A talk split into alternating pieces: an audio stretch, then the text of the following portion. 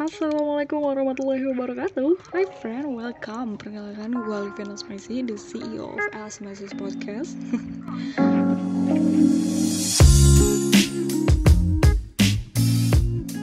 First of all, gue mau share dulu nih untuk Budiah. Tepatnya Doi selaku dosen announcing and presenting gue yang emang kebetulan lagi memberikan penugasan pembuatan podcast ini. So udah jelas banget kalau bukan kata beliau I don't think that I'm gonna hear maybe Well anyway, this is gonna be my first episode di podcast pertama gue juga So I hope you mind me kalau emang suara gue belum terdengar earful kayak podcaster-podcaster lainnya.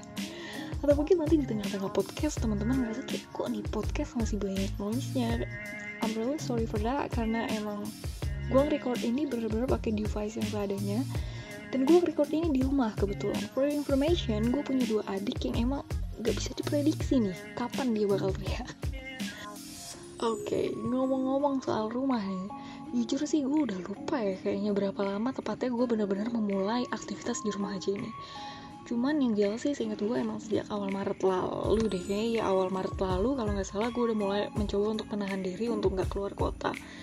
Jadi sebelumnya kuliah gue di Bandung emang kebetulan jadi mobilisasi Bekasi Bandung itu sebelumnya sudah menjadi hal yang biasa dan intensitasnya cukup sering cuman karena we already know the pandemic is real jadi ya udah selama 8 bulan gue benar-benar kayak nggak keluar kota dan nggak hangout sama teman-teman. Wah jujur nggak kerasa loh udah 8 bulan. Awalnya sih jujur berat banget pak. Bener-bener kayak di awal pandemi tuh gue kayak yang have really unstable mood bener-bener stres karena pressure-nya kan kita semua tahu lah. Pressure seperti apa. Ditambah tugas kuliah di awal pandemi tuh kayak bener-bener yang membeludak double sana sini gitu. Terus di awal pandemi juga gue sempet ngalamin uh, masa di mana gue bener-bener impulsif gitu loh. Kayak impulsif beli ini beli itu ngelihat barang-barang di sosmed tuh kok berasa kayak lucu dan gue ngerasa kayak gue harus punya ini gitu. Ya itu juga dikarenakan karena gue terlalu banyak menghabiskan waktu di dunia online gitu kan. Pokoknya banyak banget deh hal-hal terkendali lainnya. Tapi percaya sama gue practice makes perfect is real karena jujur emang semakin ke sini gue juga ngerasa udah mulai semakin terbiasa sih sama segala pressure-nya. Jadi um, dalam tiap mengambil keputusan gue ngerasanya ya ini juga udah mulai cukup wise di tengah pandemi ini. Hal itu terlebih lagi juga karena gue tinggal di Bekasi yang emang sejak awal pandemi itu udah beberapa kali menjadi zona merah. Selain karena penduduknya yang padat karena kebetulan gue tinggal di perumahan ya jadi antara rumah satu dan rumah yang lain itu nempel-nempel. Pas awal pandemi itu emang awarenessnya belum terlalu kuat sekarang. Nah karena hal itulah akhirnya berbanding lurus sama sikap gue yang sekarang ini. Gue jadi lebih parno buat keluar gue nggak berani keluar untuk nongkrong-nongkrong kayak teman-teman yang lain which mean it's good. Cuman nih ya cuman kadang-kadang kalau emang lagi ketemu sama orang atau sama teman yang kebetulan lagi berbeda pandangan dengan kita ya siap-siap aja. Lu nggak usah kaget kalau misalnya lu bakal dicap alay atau lebay gitu. Intinya kuat-kuat lo aja lah pokoknya. Toh sehat untuk kita sendiri ya kan Nah, kalau udah bahas soal teman gini nih, pasti pembahasannya gak akan jauh dari kata tongkrongan dan hangout sama teman-teman. Apalagi besok tanggal 29, kita bakal ketemu sama long weekend. Libur maulid nabi yang diikutin sama cuti bersama. Nah, di waktu-waktu yang kayak gitu tuh, biasanya pasti ada aja teman lo yang ngajakin hangout. Kalau gue, kemarin jujur nih gue udah sempet goyah karena temen SMA gue ada yang mau nikahan besok. Kemarin gue dapet undangan dan begitu cek grup WA, rame nih ternyata anak-anak kelas gue ngewacanain cuy ayo datang lah sekalian kita gathering. Begitu baca wah jelas dong. Gue ngerasa mantap banget nih gue bakal hadir nih. Karena mikirnya gue juga udah lama gak ketemu teman-teman gue selain itu juga isu pandemi kayaknya udah nggak terlalu mencuat kayak kemarin-kemarin nih. Gue fix dateng dah gitu. Gue udah ngomong kayak gitu ke temen gue sampailah malamnya gue makan malam sama keluarga gue gue ngeliat nyokap bokap gue gue ngeliat adik-adik gue tiba-tiba perasaan itu muncul lagi. Perasaan takut menjadi carrier itu muncul lagi. Rasa nggak tega kasihan takut mulai lagi berjibaku ke kepala gue sampailah akhirnya malamnya gue mikir bener-bener mikir ya. Dan gue memutuskan untuk aduh nggak dulu deh kan kayak sabar dulu deh. Apalagi lo harus ingat nih event nikahan nih berarti kan resikonya lo bakal ketemu banyak orang yang lo nggak tahu orang-orang itu habis ngapain aja habis makan apa aja habis ketemu siapa aja ya kan? Dan lo yang jelas lo pasti bakal melakukan banyak kontak fisik sama orang-orang itu. Cuman sih emang nanti yang jadi tantangan beratnya adalah ketika lo menolak ajakan temen lo itu bukan ketika lo memutuskan sama diri lo sendiri untuk ikut atau enggak ya kan?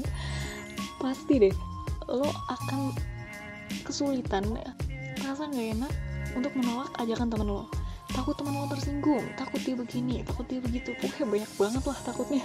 Nah kali ini gue bakal nge-share cara gue menolak ajakan teman gue tanpa harus menyakiti perasaan mereka. And it's actually work man. On me especially. Nah cara yang pertama usahakan lo harus tetap bersikap positif gitu.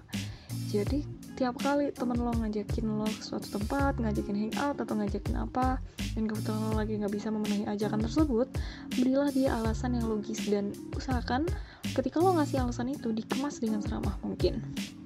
Maksudnya seramah mungkin gimana? Jadi ketika temen lo ngajakin lo via WhatsApp, SMS atau aplikasi texting lainnya usahakan ketika lo jangan yang disingkat. Untuk meminimalisir anggapan dia kalau lo tuh gak excited kalau lo tuh nggak peduli sama dia.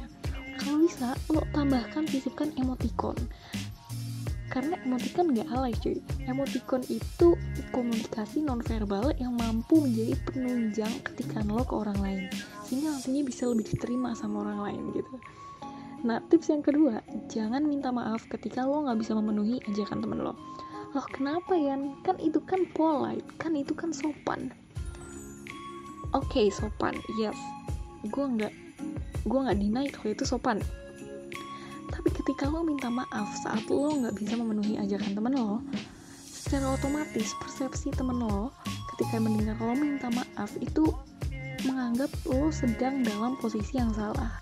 Kalau gue lebih prefer lo ucapkan terima kasih ke mereka. Ketika mereka selesai mengutarakan ajakannya lo jawablah pertama-tama makasih ya tapi begini begini begini begini nih kayaknya gue belum bisa nih sekarang nih. Jadi dengan kata terima kasih ini lo lebih menunjukkan sisi respect lo dengan ajakan mereka. Dapat ya nyampe sini ya? Dan cara yang terakhir adalah jangan bohong. Kenapa jangan bohong? Padahal kan ini cara paling ampuh kan? Iya yeah, gue tahu ini cara paling ampuh. Dan emang pasti deh semua semua orang pernah menggunakan cara ini termasuk gue tapi kalau emang ketika lo punya temen yang bener-bener ngajak lo ketemu cuman bener-bener buat ketemu sama lo ketika lo nggak bisa pasti dia akan ngagendain di waktu lain. Maksudnya gimana contohnya kayak gini ketika lo punya temen dan temen itu sengaja ngajakin lo ketemu dan ketika lo jawab duh gue nggak bisa besok gue udah ada acara nih pasti dia akan mengagendakan waktu lain untuk berusaha ketemu sama lo karena dia kangen sama lo ya kan? Nah di waktu-waktu kayak gitu tuh ketika teman lo ngomong ya udah berusaha gimana? Aman kan? Lo bakal mati gaya lo bakal kebingungan mau jawab apa? Jadi usahakan jangan bohong ya. Nah itu dia tadi rentetan tips dari gue untuk menolak temen lo menghadapi long weekend besok nih ya. Tapi nggak bikin temen lo ngerasa tersinggung atau sakit hati. Jadi dua-duanya dapat benefit lah. Tapi sebelumnya disclaimer ya ini bukan berarti gue menyalahkan untuk teman-teman yang memilih untuk keluar di tengah pandemi enggak lebih tepatnya gue mengkhususkan ini untuk mereka yang keluar tapi padahal jauh di dalam lubuk hati mereka mereka nggak yakin ketika mereka keluar. Maksudnya adalah ketika mereka nggak mau keluar tapi mereka memaksakan keluar hanya karena nggak enak. Menolak ajakan teman? Nah itu yang perlu diperbaiki yang perlu diperjelas. Untuk selebihnya semua balik lagi ke diri lo masing-masing karena ya lo yang tahu lo yang ngejalanin dan lo yang punya kendali ya kan? Sebelumnya gue juga mau ngucapin teman-teman makasih udah dengerin podcast ini. I'm so glad to be here. Dan semoga juga kita bisa ketemu di next episode ya.